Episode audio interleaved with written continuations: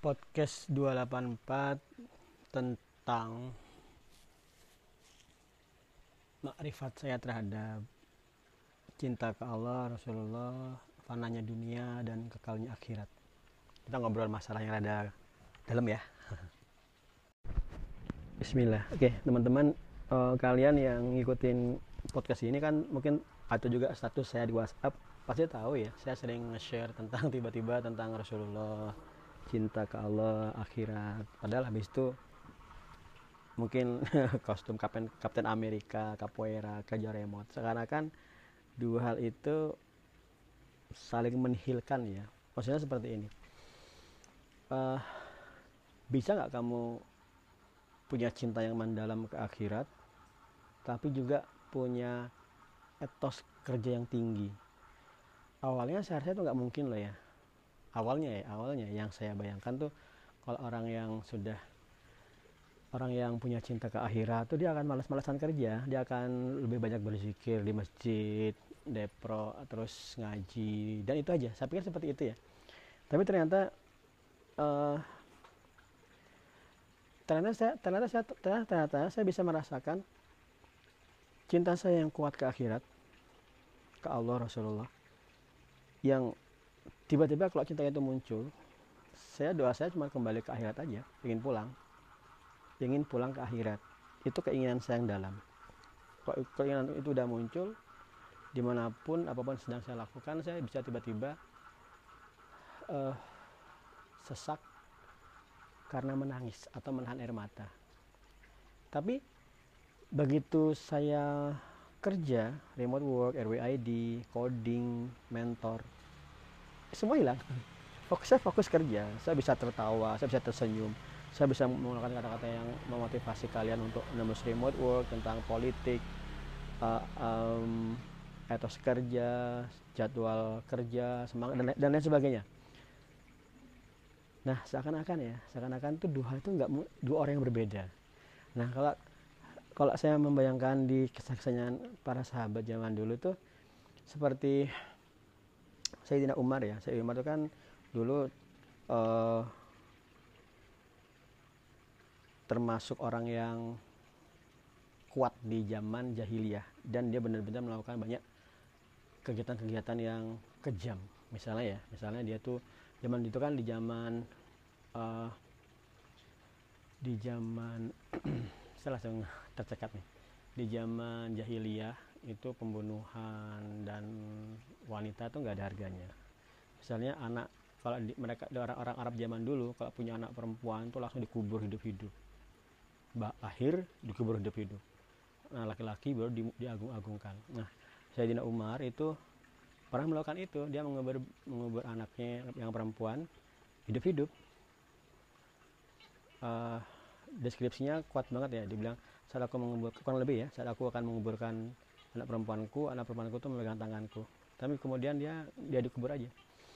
Kemudian dia masuk Islam dan uh, bertobat mengikuti Rasulullah. Nah beliau bercerita dia bisa tiba-tiba seperti ini. Saat mengingat itu peristiwa dia mengubur anak perempuannya hidup-hidup nangis.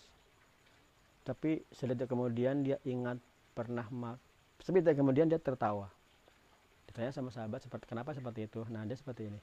Aku tertawa karena aku dulu pernah uh, membuat Tuhan dari dari roti dari roti. Roti makanan gitulah kemudian begitu aku lapar Tuhanku aku makan. Dia ketawakan itu. Jadi sama seperti ini. Uh, kondisi batin kondisi batin kita itu bisa berbolak-balik sekuat itu. Ekstrim sedih dan ekstrim bahagia. Nah konteks seperti ini kita kembali ke hadis Rasulullah bahasanya semua hati makhluk hidup itu di dalam jari-jari yang maha kuasa. Allah bisa membolak-balikkan hati. Hati nanti kita bisa tertawa riang bisa sedih dalam pada saat yang bisa nyaris bersamaan atau beruntutan. Nah uh, yang ingin saya sampaikan di sini teman-teman saya sharing saya nggak tahu ada manfaat apa enggak ya tapi semoga ada manfaatnya lah sharing saya di sini itu saya memiliki perasaan cinta yang seperti itu. Kalian tahu saya punya helm yang mahal ya? Helm shark apa itu ya? V3 yang modelnya penerbang gitu kalau kalian lihat di Facebook saya saya kan ngepost tuh saya lagi pakai helm itu kan bagus ya. Padahal ya saya buka rahasia nih. Saat saya lagi nutup visor kan kalian nggak tahu mata saya sedang apa kan? Itu saya sebenarnya sedang nangis sedang nangis apa sedang, nangis ingat kehidupan akhirat. Ingat cinta ke Rasulullah cinta ke Allah. Kemudian ya rasanya nggak tahan hidup di dunia ini. Berarti Pak Eko pengen uh, orang yang uh, apa namanya ingin bunuh diri? Ya nggak gitu juga bukan seperti itu maksudnya. Tapi dunia itu benar-benar cuman set apa ya senda gurau dan permainan belaka. Ya kan kan di Quran jelas tuh. Sesungguhnya dunia itu adalah senda gurau dan permainan belaka. Dunia itu loh yang maha kuasa bilang dunia ini senda gurau dan permainan belaka. Kamu bisa nggak percaya dibilang seperti itu? Kalau kamu saat ini ya lagi dengerin ini lagi di MRT RR, KRL lagi capek-capek pulang dari kantor dari Jakarta Utara mau ke Bogor misalnya. Terus dibilang sama kuasa. Dunia itu hanya permainan dan senda gurau belaka kamu bisa nerima nggak seperti itu? Ya kamu harus nerima karena emang seperti itu. Hakikat dunia seperti itu. Senda gurau dan permainan belaka apa pun itu loh ya kamu sedih apa pun kamu senang apa pun kamu miskin seperti apa pun kamu kaya seperti apa pun status sosialmu setinggi apa pun menurutmu atau serendah apa pun menurut orang lain gajimu seberapa besarnya pun itu tetap senda gurau dan permainan belaka oke? Nah ini yang harus ini ini, ini yang saya sampaikan semoga bisa menjadi masukan kalian ya kalau kalian bisa uh, semoga banget ya kalian bisa merasakan hal yang sama kenapa karena akhirnya bahagianya bahagia mendalam hakiki Oke, okay, uh, eh, kalau kalian Muslim, saya tentu nggak bisa berbicara untuk yang agamanya bukan Muslim ya karena saya Muslim. Uh, gampang aja sebenarnya menjalani hidup di dunia ini. Kamu sudah syahadat kan? Jaga sholat jamaah. Itu aja deh. Kamu nggak perlu repot-repot. Aku pengen belajar uh, Quran aku pengen belajar Hafiz aku pengen belajar nggak usah seperti itu dulu santai aja jaga sholat jamaahnya itu aja dulu nanti kenapa nanti yang lain-lain itu akan mengikuti dengan mudah percayalah jadi uh, beragama itu kalau dilihat semua bidangnya banyak banget ya ahadi segala macam. Ah, banyak banget. Kalau kamu disuruh belajar semuanya kamu akan aduh hanya orang yang bisa mondok aja yang bisa kan. Padahal agama ini satu aja. Setelah kamu bersyahadat jaga sholat jamaah. Lima waktu di masjid tepat pada waktunya. Bisa nggak? Itu nggak sepele loh amalan seperti itu. Coba bayangkan ya kalau begitu kamu udah jaga sholat jamaah berarti apa? Berarti kamu bangun pagi jam 4 atau setengah atau jam setengah lima paling paling telat ya itu artinya apa itu artinya kamu menjaga kesehatan ya kan oh itu udah langsung aspek kesehatan udah ada kesentuh tuh dari orang yang bangun pagi dari orang yang jaga sholat jamaah Terus apa? Sholat jamaah itu berarti kamu punya uh, disiplin waktu. Berarti orang yang menjaga sholat jamaah, dia akan punya manajemen waktu yang secara otomatis akan bagus. Karena kamu akan mengatur waktumu, aku harus sholat subuh ya. Nanti aku mau sholat, aku sholat dua jam sekian. Oke, berarti sholat dan nanti aku di masjid. Artinya antara itu aku mengerjakan tugas-tugasku. Kemudian nanti aku akan sholat asar jam sekian. Berarti antara duhur sampai asar aku akan lakukan tugas-tugas yang ini. Itu yang terjadi kalau kamu sholat jaga jamaah itu secara rasional ya secara rasional secara rasional yang lain kalau kamu berangkat kamu, kamu jaga sholat jamaah kan kamu jalan tuh sehat kan mm -hmm.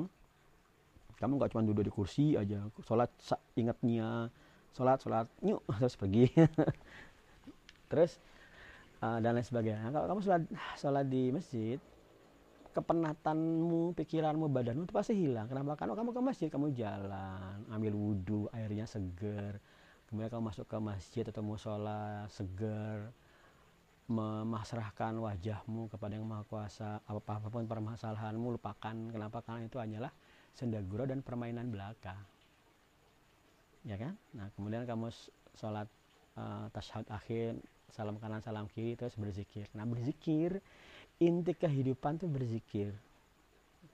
Yang saya maksud inti itu banyak lah ya. Inti itu inti itu tergantung apa yang kamu perspektifnya. Tapi dalam dalam dalam perspektif uh, hadis yang saya pahami Allah itu pernah berfirman apa di hadis kutsi yang saya agak lupa perbedaan antara orang yang Allah berfirman dalam hadis kutsi atau ayat Quran saya agak lupa. Allah berfirman orang yang berzikir dengan orang yang kayak hadis nih dengan yang tidak berzikir itu seperti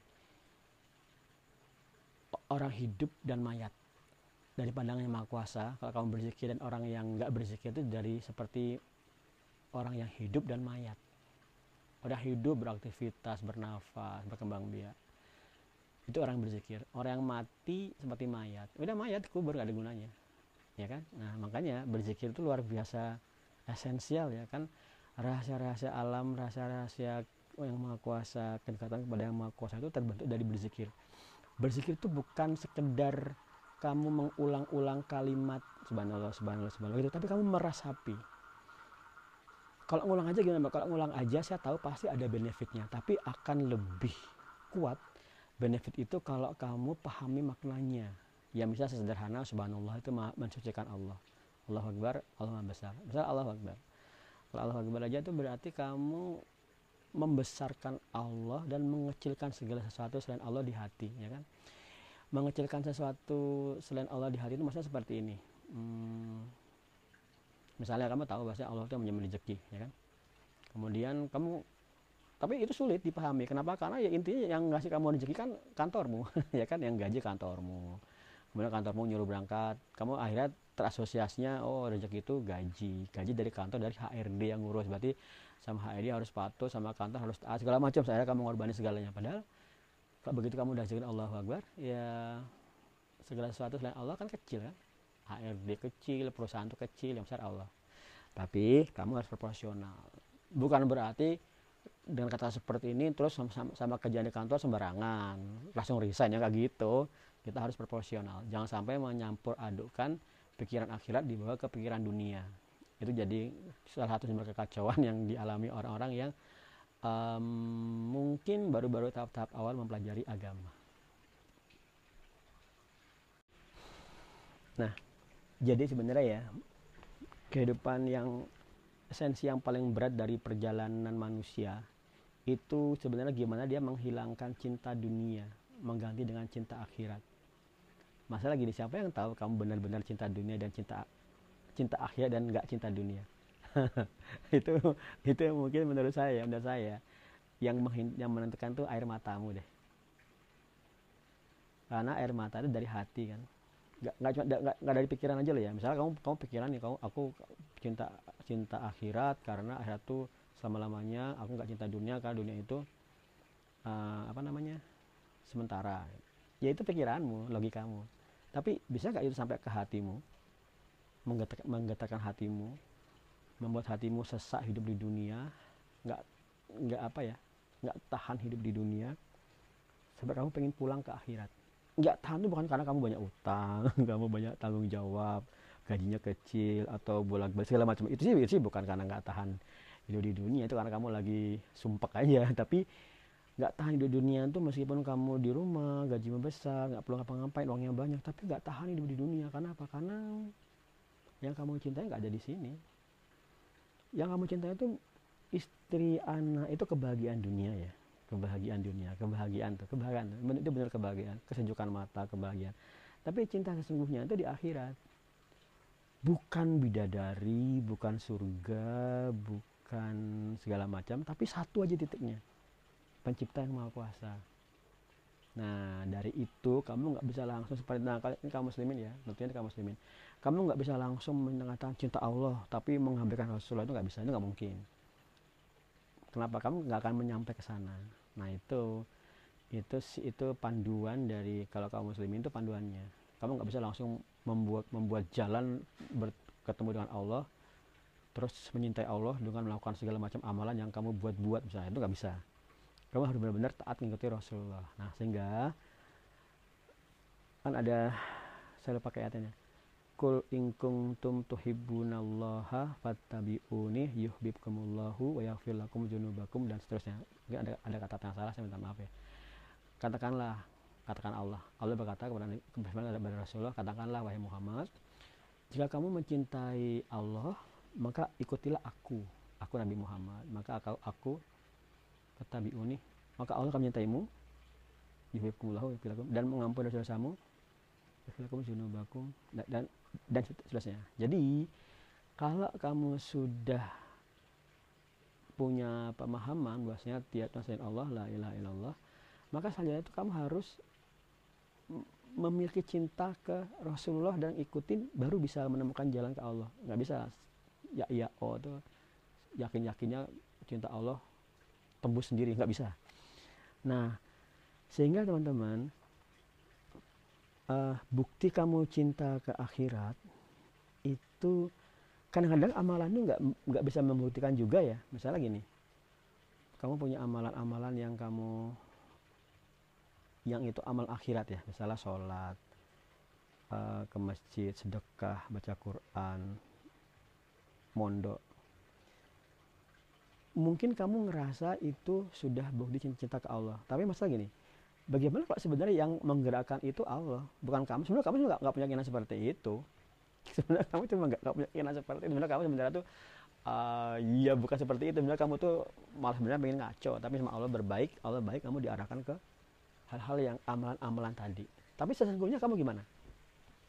Gimana kalau sesungguhnya kamu nggak punya cinta yang mendalam? Kamu sekedar ya kebetulan misalnya di komunitasku di kampung itu orang mondok aku suka mondok.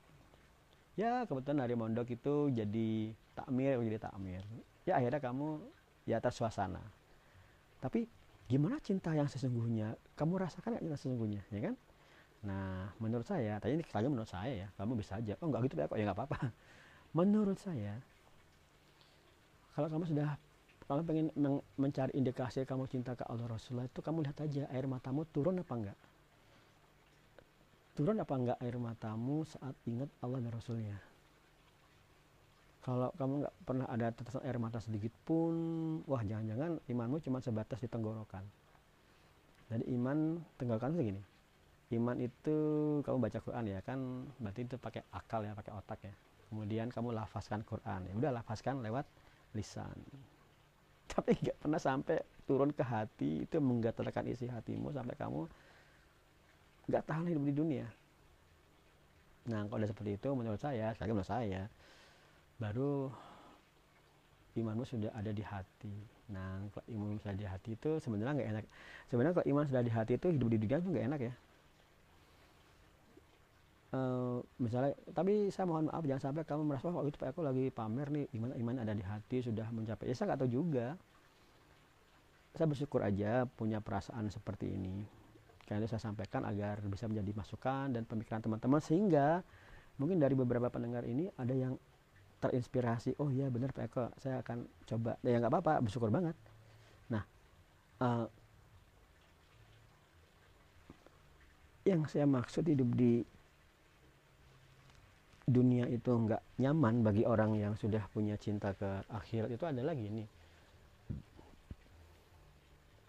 kebahagiaan kebahagiaan hakiki di dunia ini apa sih? Nggak ada loh kebahagiaan hakiki di dunia ini. Makan minum terus bagi yang udah dewasa ada hubungan badan. Apalagi ya ngelihat mendengar. Itu aja kan?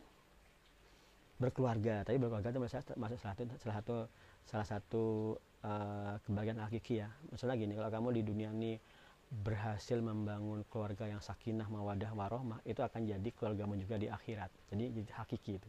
Keluarga itu kebahagiaan hakiki. Maaf maaf. Saya salah ralat ya. Jadi kalau ada yang mengatakan apa sih kebahagiaan hakiki dunia? itu adalah keluarga. Tentu kalau kamu bisa membangun keluarga sakinah mawadah warohmah. Maksudnya anak-anak anak istrimu taat istri juga taat. Nah itu itu benar. Tapi kalau akhirnya keluargamu nggak bisa kamu bangun dengan taat kepada Allah akhirnya jadi jadi bencana.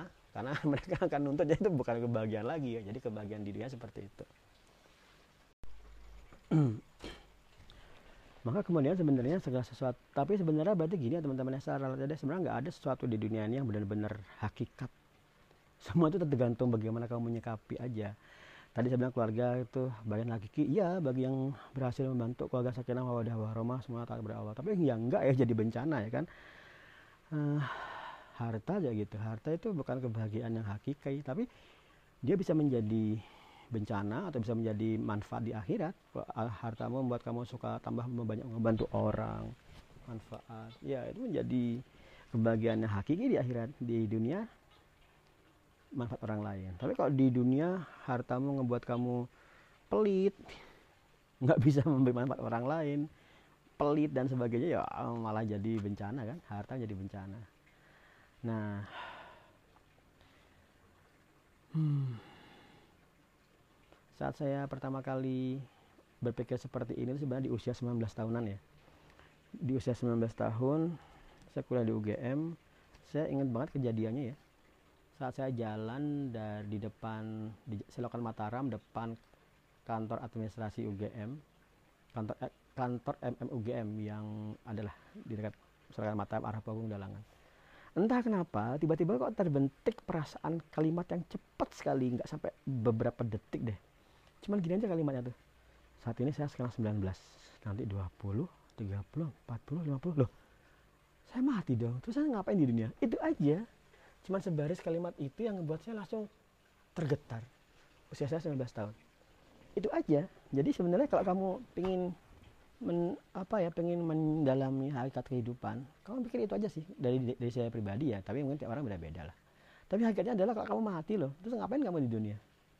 Ya kan? Nah itu. Nah tapi akibatnya eh, saat itu saat itu saya lebih condong ke ateis sebenarnya. Saya suka ateisme sebenarnya. Setahun saya mendalami ateisme darinya trigger utama ateisme itu dari bukunya Stephen Hawking A Brief History of Time dia kan? Ateis tuh dia bilang Tuhan itu apa ya? Tuhan itu gak punya pilihan.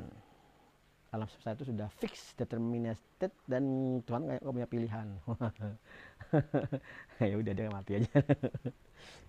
Nah tapi dia memberi saya memberi saya jalan untuk memahami ke, ke kedahsyatan alam semesta.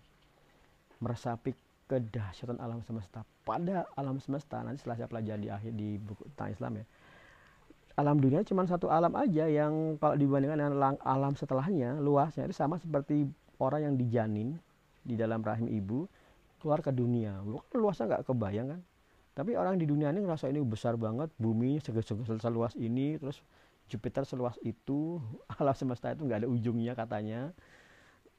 Tapi pada akhirnya semua orang tahu itu ada ujungnya tapi begitu kita mati ntar dunia itu ternyata kecil banget dibandingkan dengan akhirat. Terus seperti itu sampai ke singgasana yang maha kuasa di Arsh. Ya kan? Nah saat saya merasakan itu kemudian saya mencari itu saya mencari lah saya mencari. Aku mati tuh ngapain aku ya? Saya itu nggak bisa menjelaskan. Sains itu nggak bisa menjelaskan mati loh ya. Iya dia bisa memberitahu bahwasanya kalau orang mati itu uh, tidak ada lagi aktivitas listrik di otaknya. Terakhir itu otak ya.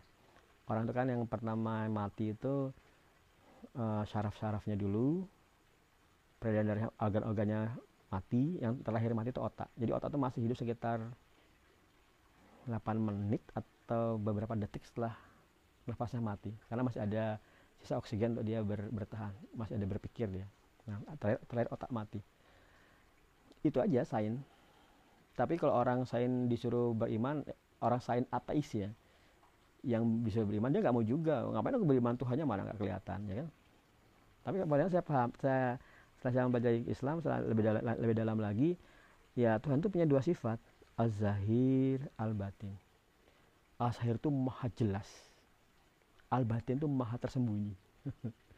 Maha dua sifat yang bertolak belakang. Sangat kelihatan juga sangat tidak kelihatan tepi contoh ya ini sekarang nih sekarang saya langsung ngawur aja. Saya lagi duduk di lantai dua rumah saya memandang ke selatan ada apa tuh ya? Kelip-kelipnya lampu kelip menara telekomunikasi kalau nggak salah. Mana Tuhannya? Ya nggak ada. Kalau disuruh melihat mana Tuhannya nggak ada. Tapi kalau kamu berpikir mendalam dengan ilmu uh, fisika atau ilmu apa pun yang kamu perdalam ya kamu bisa nggak bayangkan ini tercip ada tanpa ada yang mengatur. Nggak mungkin loh. Kamu nggak bisa bilang evolusi evolusi itu ya cuma sekadar pemahamanmu terhadap perubahan aja. Tapi yang mengatur itu nggak terbayang. Contoh aja nih sekarang nih di depan pohon rumah saya ada pohon jati. Pohon jati ini lagi apa coba? Kelihatannya diem kan? Orang yang nggak belajar ya ini cuma pohon jati aja. Tapi orang yang belajar biologi tahu kan dia lagi uh, mengeluarkan CO2 ya kan? Malam itu mengeluarkan CO2 um, kenapa dia ngeluarin CO2 ya? Ya itu pernah pasan dia ngeluarin CO2 ya. Nanti siang-siang dia ngeluarin oksigen. Siapa yang ngatur itu? Evolusi evolusi apaan? Evolusi evolusi. Cuma cara memahami ada perubahan. Tapi yang mengatur sinergi yang seperti itu siapa? Ya kan? Itu baru saya baru baru saya baru melihat tentang apa namanya tentang pohon jati terus gimana kalau tentang mata saya yang saya pakai untuk melihat pohon jati? Mata saya alhamdulillah sehat. Ada sedikit plus sih. Eh, enggak saya nggak plus. Uh, silinder ya. Silinder itu silinder itu kalau saya matanya perih kalau nggak pakai kacamata beberapa lama. Tapi sekarang sudah jarang. Tinggal saya paling pakai kacamata seminggu beberapa kali udah cukup. Nah mata saya dia ber, dia mengirimkan gambar ke saya. Mata yang lihatnya bukan mata kan? Yang lihatnya otak kan nah belum kita bicara tentang belum saya mem, kita ngobrolin tentang uh, kecepatan cahaya yang saya sendiri belum terlalu paham ya kenapa kecepatan cahaya itu konstan dengan, dengan angka seperti itu. Tapi kita otak aja kan otak itu siapa yang ngatur? Kamu evolusi apanya evolusi?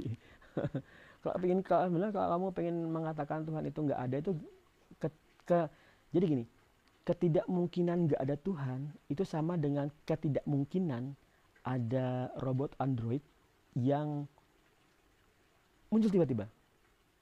Robot android itu robot yang humanoid ya kayak manusia kayak Aibo Aibo apa namanya? Robot anjing itu ya. Ngebuat robot bisa berjalan yang dibuat sama Boston Dynamics itu butuh berapa belas tahun itu atau malah puluh tahun dia bisa lompat bisa berlari. Dulu saya menyangka orang robot tuh nggak bakal bisa berdiri ya. Nggak bisa seimbang. Ternyata bisa ya. Keren banget. Itu kan itu butuh energi apa? Dia butuh baterai kan? Baterai dicas baterainya berapa lama bisa? Bisa nggak ada baterai bertahan sebulan? Nggak bisa. Kadang awal-awal malah pakai kabel. Ya paling nggak bertahan uh, beberapa menit. Kalau kamu nggak baca bertahan beberapa menit uh, drone itu loh drone itu dia bisa melayang itu paling cuma 9 menit. Uh, power itu bagian yang paling berat dari yang disimulasikan berusaha dibuat manusia ya. Kayak misalnya kayak di Iron Man itu kan dia berhasil ngebangun arc reactor yang bisa mentenagai baju besinya. Tapi kan itu nggak ada di dunia. Di dunia itu orang masih kelabakan cara ngebuat uh, sumber energi baterai yang bisa ringan dan daya tahannya lama uh, mobil listrik dan sepeda motor listrik dan sebagainya kan mulai mulai ada tuh. Tapi ya masih jauh banget dari kenyamanan masih harus diganti setiap harus dicas setiap hari ya. Nggak sejauh-jauh handphonemu itu loh. 6 jam sekali mungkin habis ya kan? Nah padahal itu seperti itu teman-teman. Nah baru seperti itu. Maka kesimpulannya nggak mungkin tercipta tanpa ada penciptaan nggak mungkin. Sama dengan tidak mungkinnya kamu melihat lukisan itu lukis tidak tidak mungkinnya kamu berkata lukisan yang aku pasang di dinding tiba-tiba ada aja karena evolusi. Nggak mungkin. Pasti ada anak kecil yang nyoret-nyoret. Nah mencoret-coret pemandangan poh gunung misalnya. Nah lukisan gunung aja harus ada anak kecil yang bisa melukisnya. Masa gunung itu tiba-tiba muncul dengan sendirinya? Nah itu tantangannya adalah kamu harus belajar. Kamu nggak bisa. Kalau nggak belajar tuh kamu nggak bisa. Kamu hanya bisa ngelihat ya mikir-mikir sendiri. Kamu harus belajar biologi, geologi dan lain sebagainya. Nah, itu sifat Tuhan yang tersembunyi dan jelas. Jelasnya itu adalah kamu itu sendiri itu bukti adanya Tuhan. Tapi Tuhan yang menciptakan tidak kelihatan. Kenapa seperti itu? Nah, kenapa seperti itu? Itu kita kembali ke masalah agama. Pada masalah agama kompleks lagi, ya kan? Kompleksnya adalah agama itu banyak. Ada yang mengklaim diri yang benar, ada yang enggak juga. Ada yang uh, menurut saya agama yang mengklaim dirinya benar itu agama Abrahimik ya. Atau misalnya itu saya nggak akan membahas perbandingan agama-agama. Kalian silakan itu perjalanan kalian jalani masing-masing aja. Saya hanya memahami dari apa yang saya sudah pelajari. Nah saat saya sudah menjadi kematian itu awalnya takut ya. Awalnya takut dengan kematian tapi kemudian lama-lama punya perasaan hampa.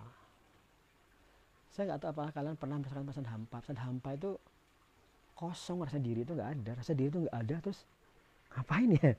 Saya itu siapa? Nah begitu pesan itu kosong hampa itu kerasa. Saya merasakan pesan besar alam semesta. Kemudian saya berpikir alam semesta ini ada yang menciptakan. Oh yang namanya Allah. Quran ya. Oh ya siapa sih manusia yang paling dekat dengan Allah? Nabi Muhammad. Rasulullah. Ah, pada saat itu saya punya perasaan cinta yang dalam sekali ke Nabi Muhammad. Tapi saya belum punya perasaan cinta ke Allah. Saya nggak bisa ngebayangkan gimana sih punya perasaan cinta ke Allah saya nggak tahu. Tapi saya punya perasaan cinta ke Rasulullah yang kuat sekali tahun 1999 itu. Saking dah saking kuatnya cinta ke Rasulullah itu dan saya nggak bisa jelasin ya gimana caranya kamu cinta ke sesuatu seseorang yang nggak pernah kamu lihat? Saya nggak tahu kalau kamu cinta sama wanita yang cantik ya itu gampang lah. Wanitanya ada cantik terus dia nggak ada. Dia kamu menyatakan cinta kepadanya dia menolakmu pergi. Kamu sakit hati sedih. Ya itu itu gampang itu. Itu gampang dirasakan.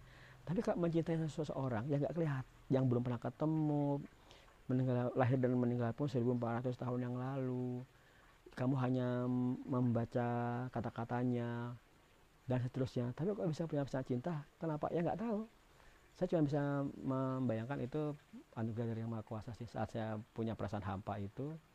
Kemudian saya berpikir tentang pencipt alam semesta pencipta Allah. Manusia adalah Muhammad Muhammad kemudian saya punya pesan cinta. Nah punya pesan cinta ke Nabi Muhammad itu berat.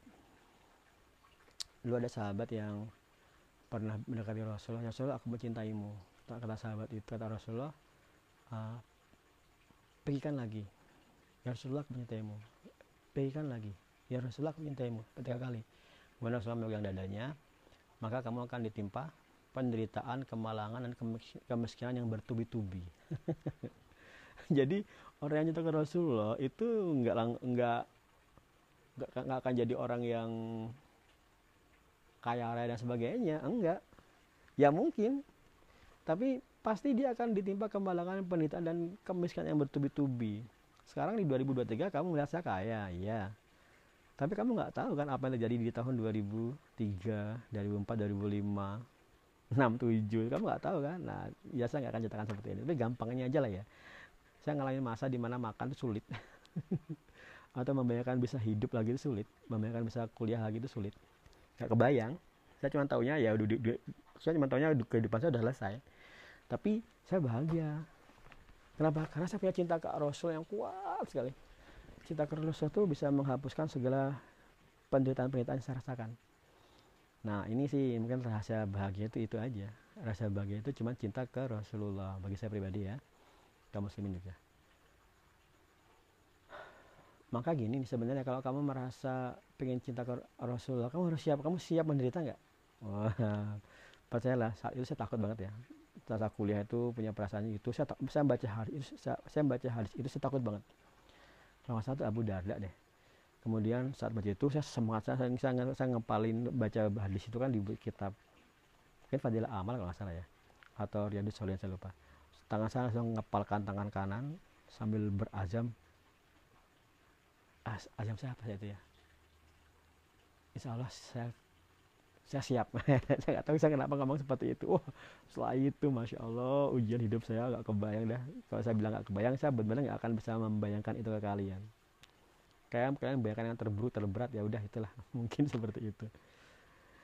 Ya tapi tentunya orang itu akan di um, berikan apa ya ujian yang sejauh dia mampu aja. Nggak akan lebih dari yang dia mampu. Gimana kalau ada orang yang bunuh diri ya kok ya harusnya dia mampu.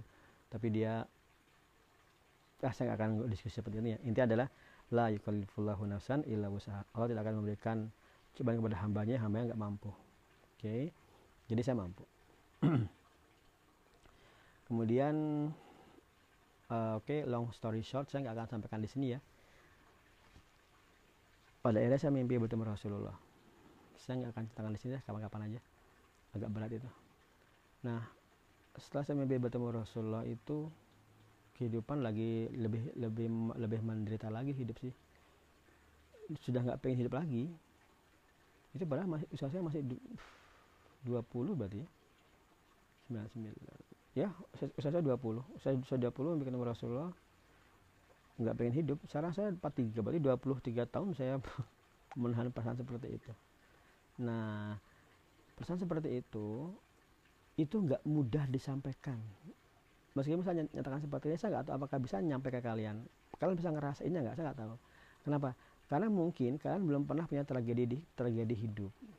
Masalah gini kalian pasti di dunia ini punya orang yang kalian cintai entah itu ayah ibu sama istri anak.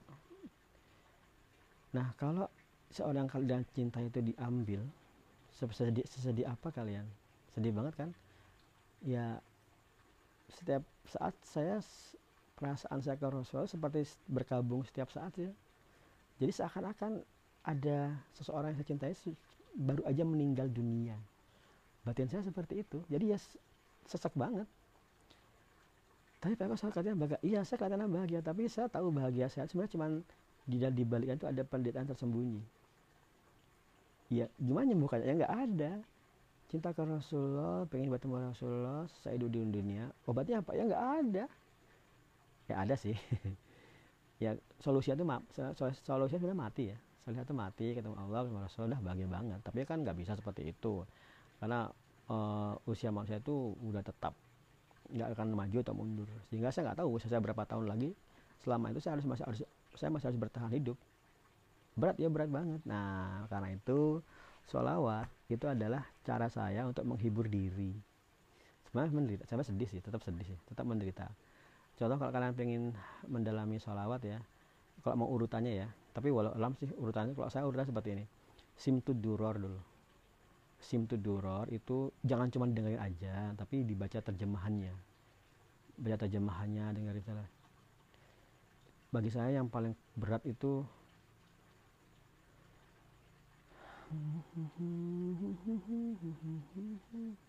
Ya alim bihali Wahai yang maha menguasai memahamiku. Bagi, bagi saya saya paling tergetar tuh begitu mendengar lantunan baris yang maha, yang maha kuasa wahai yang maha memahamiku. Wah rasanya saya tergetar banget. Itu ngebaca saya aduh hancur lebur deh batin saya. Langsung hati saya kayak hati yang baru tersusun dari kesedihan dengan Rasulullah tuh hancur lebur gara-gara satu lantunan ayat kalimat itu ya alim bihali ya, wahai yang maha alim yang menguasai sifat, sifat Allah itu al halim uh, yang maha mengetahui yang maha memahamiku. Ada juga kalimat di Simtut Duror yang kuat banget itu adalah uh, kepercayaanku kepada guruku. Nah untuk itu kalian nggak bisa sembarangan ya. Maksudnya belajar agama gini nggak boleh sendirian ya. Nggak boleh gue yang googling simpulin sendiri nggak boleh sih. Tapi oke okay, oke okay, oke. Okay. untuk di Islam itu memang ada dua cara mendalami Islam ya. Pertama yang sufi jalur batin. Kedua yang jalur uh, syari syariat. Tapi jangan dipertentangkan ya. Banyak orang mempertentangkan tuh orang yang syariat nggak mau belajar kebatinan yang kebatinan ya nggak mau belajarin syariat. Nggak gitu nggak boleh. Kan Gus Bah juga sudah jelasin tuh kan nggak boleh seperti itu. Jadi sufi, sufi bodoh jadi ya orang syariat orang syariat juga bodoh juga. Macam gini maksudnya uh, misalnya gini nih sudah ngerasa kenal dengan Allah terus masa sudah dekat misalnya ya wah kalau gitu sholat itu di rumah aja. Atau sholat itu di hati. Sholat di hati emangnya harus sholatnya di hati? Nggak boleh seperti itu. Harus tetap gitu syariat. Nah cuman untuk mem mempelajari seperti itu. Nah di di sufi sufisme kalau kamu men, berusaha mencari jalan ke Allah namanya suluk mencari jalan ke Allah kamu pasti ada mursyid atau guru yang membimbingmu. Maksudnya gimana? Eh, maksudnya gini sih saya sendiri menemukan guru saya tapi saya nggak nyari guru. Perjalanan hidup ketemu guru. Jadi nggak nggak nyari guru tapi ketemu guru pada saat-saat yang memang saya butuh guru tahun 2003 saya ketemu guru beliau meninggal tahun 2005 sholat tahajud meninggal sujud di mimbar musola beliau luar biasa. Kemudian tahun dua sebelum covid saya ketemu guru lagi tapi cuma setahunan meninggal. Uh, mungkin sekitar dua tahunan ini saya ketemu saya ketemu guru lagi udah dibimbing lagi udah tenang banget tinggal menjalani. Kemungkinan beliau akan lama nih usianya karena masih muda juga. Nah itu yang sama, sama dengan guru. Cuma masalah gini uh, kapan kamu ketemu guru? Saya nggak tahu. Saya nggak mencari-cari guru ketemu guru. Nah paling gampang bagi saya ya guru yang paling gampang itu adalah menjaga sholat jamaah dulu. Udah ikutin aja. Nah dan juga jaga keikhlasanmu. Gimana cara menjaga keikhlasan? Nggak tahu. Apakah apakah saya sholat jamaah itu ikhlas? Saya nggak tahu juga. Jangan-jangan cuman karena di supaya dipandang anak istri dipandang keluarga atau supaya menjaga pandangan jamaah jangan pandangan jamaah yang lain. Bisa aja ya kan? Ya udah kamu pasain aja kamu kamu ikhlas kamu kamu jalanin terus. Nah selain itu teman-teman itu mungkin saya ini sebenarnya sedang menuangkan aja tanpa perlu saya buat buat skripnya ya. Saya sampaikan aja lah. Uh, jadi kalau sudah menyadari kehidupan di dunia ini sementara ya makanya setelah itulah saya semua itu aneh. Apa? Akibatnya malah jadi lebih mudah. Yang ingin digapai orang-orang yang berjibaku karir tapi malah ninggalin dunia akhirat ninggalin amal-amalan ya saya dapati dengan ringan aja misalnya remote work. Saya remote work dari tahun 2011 2010 daftar ya 2011 baru dapat job nggak salah. Ya kan kan banget kan? Gaji 40 juta di Jogja. Nggak perlu berjibaku dari Bogor ke Jakarta. Nggak nggak pernah ngoyo. Aduh enak banget deh. Makanya banyak-banyak bersyukur ya kan? Nah maka ada satu ada satu hadis lagi tuh Barang siapa yang mengejar dunia, maka Allah akan buat hatinya sibuk dengan dunia. Dan kebutuhannya dan hatinya sibuk dengan dunia. Ya mungkin dia akan punya dunia. Tapi dia hatinya sibuk terus dengan dunia. Sibuk dengan dunia itu apa? Saya nggak tahu ya. Ada istilah di Jawa itu nama kemerungsung. Kemerungsung itu rasanya ngerjain banyak hal sibuk tapi kok apa sih aku membuat aku nggak tenang itulah. Nah, uh,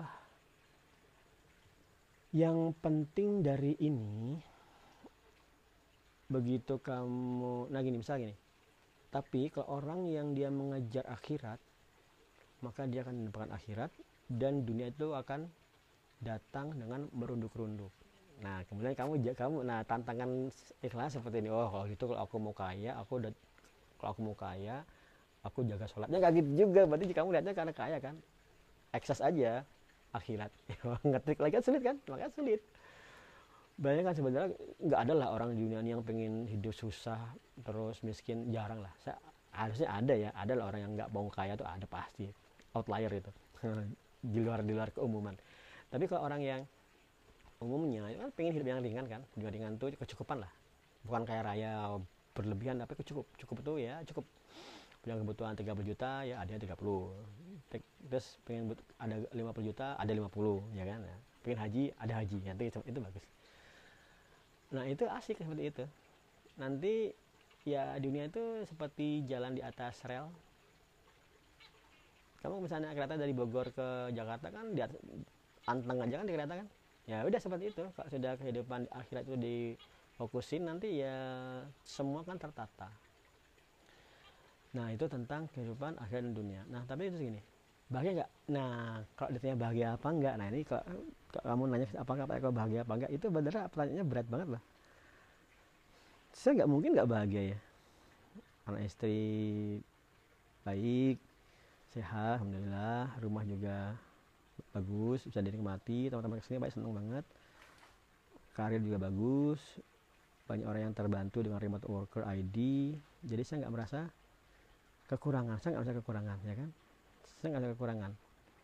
Tapi kalau saya sudah ingat akhirat ingat Allah Rasulullah saya nggak pengen lama-lama hidup di dunia. Saya pengen pulang aja. Karena begitu ingat ada kata usia masih 20 tahun ya. Misalnya misalnya saya meninggal 63 tahun. Sekarang sekarang 43 Rasulullah itu 63 misalnya orang orang Islam itu menggunakan usia Rasulullah sebagai usia hitungannya. Kalau udah 62 lah setahun lagi. Kalau lebih dari 63 berarti bonus. Usia bonus. Nah saya sering bayangkan hidup saya masih 20 tahun rasanya sesak sekali. Karena ngebayang masih lama 20 tahun masih hidup. Aduh. Kenapa? Karena pengen pulang. Kalau orang pengen pulang ke akhirat kan harusnya dia di dunia ini dia nggak nyaman kan? Padahal di dunia ini saya senang. Senang banget alhamdulillah banyak bersyukur lah. Ah makanya kembali lagi kayak yang cerita tentang Sayyidina Umar tadi antara bahagia dan sedih itu camp bersisian aja. Uh, kalau saya lagi sedang lagi ingin lagi ingin mengingat dengan kuat-kuat Allah dan Rasulullah itu ya saya naik, naik motor aja. Pakai helm yang visornya nggak diturunin orang nggak tahu saya nangis. Ya nggak perlu dengan selawat kadang cuman berpikir tentang Allah Rasul aja ngebaca sedih pengen pulang ya lantunin salawat dalam hati bahagia lagi. Tapi ya bahagia ya bahagia. Bahagia anak kecil yang ingin pulang gitu kamu tahu nggak? Anak anak kecil kalau punya keinginan kuat gimana cara ngebuat anak kecil itu berhenti minta? Tapi permintaan itu nggak bisa diberikan. Dia minta sesuatu yang berat. Tapi permintaan itu nggak bisa diberikan. Terus apa yang dilakukan kepada anak kecil itu? Dibuat lupa aja.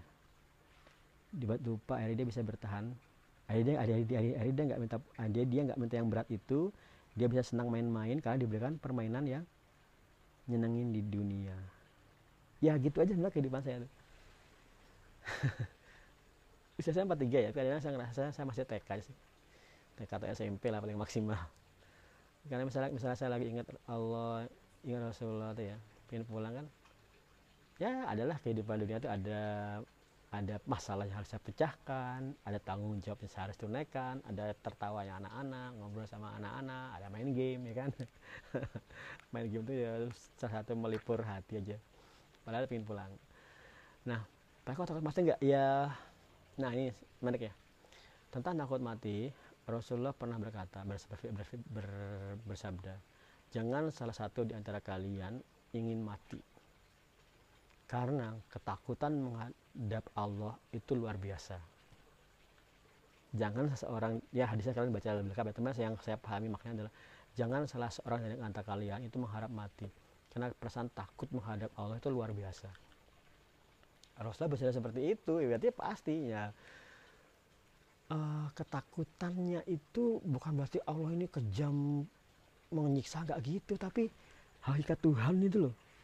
Kamu tahu nggak hakikat Tuhan sebenarnya gampang ya merasakan saya nggak tahu apakah saya bisa mentransfer pesan takut ini ya? Gini. Kalau hmm, kalau kamu nggak lahir masalah nggak? Nggak masalah oh kamu cuma kamu nggak lahir ya ya udah nggak ada. Bagimu ya nggak masalah juga kamu nggak ada ya kamu nggak lahir kamu nggak ada ya bagimu nggak masalah kan? Oh nggak ada. Oke satu. Kalau bumi nggak ada gimana nggak ada kehidupan di bumi. Ya nggak apa-apa. Wong cuma kehidupan di bumi masih ada masih ada planet-planet lain ya kan? Lanjut lagi. Kalau langit nggak ada gimana? Ya nggak apa ya nggak apa-apa. Kan dari dari dari sains ada semesta yang lain kan? Multiverse ya. Ada semesta yang lain. Oke. Pertanyaan adalah gimana kalau Tuhannya yang nggak ada? La ilah salah. Nggak ada Tuhan. Gimana kalau nggak ada Tuhan? Wah itu nakutin banget loh saya pernah saya cuma itu yang ngebaca takut loh perasaan saya takut yang gemetar ketakutan tuh itu. Kalau Tuhan nggak ada gimana? Waduh ya Allah. Ah rasanya jantung saya bisa putus gara-gara gara-gara mikir seperti itu. Gara-gara merasakan seperti itu. Karena gini ya orang tuh nggak pernah berpikir jarang sih orang berpikir kalau Tuhan tuh nggak ada. Ya cuma pikir cuman hmm, bumi nggak ada. Ya, kalau penciptanya nggak ada? Segala sesuatu ini apa artinya? Wah nggak kebayang nah coba kamu bayangkan deh hampa itu bukan berarti Tuhan nggak ada ya. Tuhan tuh menciptakan hampa dan isi. Tapi Tuhan itu adalah di luar hampa dan isi. Jangan bilang hampa itu nggak ada Tuhan. Bukan gitu. Hampa itu ciptaan Tuhan aja. Kamu itu ham kamu itu ada. Lawannya tiada. Ada dan tiada itu ciptaan aja. Bukan berarti Tuhan, bukan berarti Tuhan itu ada loh ya. Tuhan itu maha ada di luar pemahamanmu terhadap ada.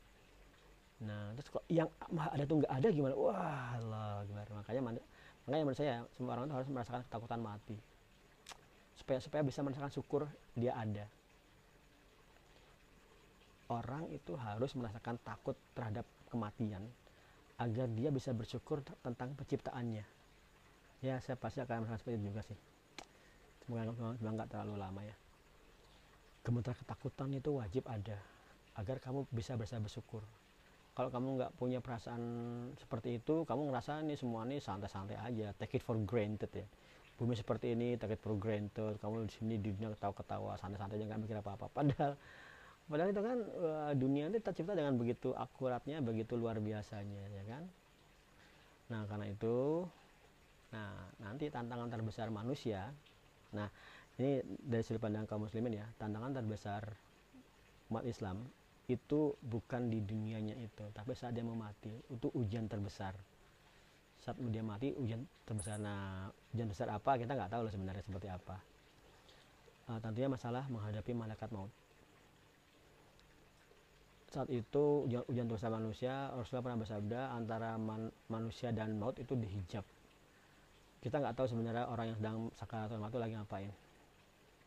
Kata Rasulullah itu dihijab. Kita nggak akan tahu atau pasti memang ketakutan. Dan ya itu ujiannya di situ. Nah kan waman ahsanu qawla eh, barang siapa yang di akhir lisan yang mengucapkan la ilaha illallah maka dijamin masuk surga. Nggak banyak yang mengucapkan seperti itu. Uh, Alzheimer aja deh. Orang yang sudah lupa udah punya penyakit degenerasi ingatan. Alzheimer pikun dia bisa ngomong apa dia di, di ujung mat, di ujung nafasnya? Atau misalnya kamu stroke misalnya tapi walau alam saya nggak tahu bagaimana sebenarnya hakikat orang mati yang stroke tapi beriman. Bisa nggak dia mengucapkan la ilaha illallah? Ada nggak orang yang benar-benar sebelum mati mengucapkan la ilaha illallah? Ada. Saya itu kan aktif di jamaah tablik di markas al masjid al ittihad Jogja ya. Pendiri pendiriannya itu mbah mbah Nakman Zaini. Beliau itu sebelum wafatnya ayahnya anaknya mendengar dari dari sebelahnya. Ini malaikat Jibril ini Israel udah datang. Terus beliau meneriakan syahadat qad la ilaha illallah Muhammad la ilaha illallah Muhammad la ilaha illallah Muhammad Rasulullah meninggal. Itu selesai ujian udah sempurna itu. Nah yang nggak sempurna itu ya kalau kamu nggak bisa ngucapin itu nggak ada jaminan gimana kalau dia sebenarnya haji dan ya nggak tahu juga walau karena dia nggak ngucapin itu nggak ada jaminan gitu aja. Nah itu tentang kematian. Takut nggak dengan kematian? Nah ketakutan dengan kematian itu terhijab tertutupi dengan cuman itu jalannya bertemu dengan Allah bertemu dengan Rasulullah. Ada ayat Qur'annya ya. Saya sebenarnya pengen nyariin tapi nanti jelas barang siapa yang ingin melihat wajah Allah maka dia pasti mengharap-harap kiamat. Bukan hanya mengharap-harap kematian lah ya tapi mengharap-harap kiamat. Kiamat besar. Karena kalau sebelum kiamat besar itu ya manusia tuh nggak bertemu nggak benar-benar bertemu Tuhan. Saya nggak tahu gimana sih orang mau setelah mau itu gimana tapi dari Rasulullah itu nggak nggak benar-benar langsung bertemu Tuhan teman-temannya nanti di padang mas setelah dikubur dibangkitkan pasyar ketemu melihat wajah Allah kemudian baru bagi yang bagi yang bagi yang dapat uh, rahmat. Saya nggak bilang amalan ya.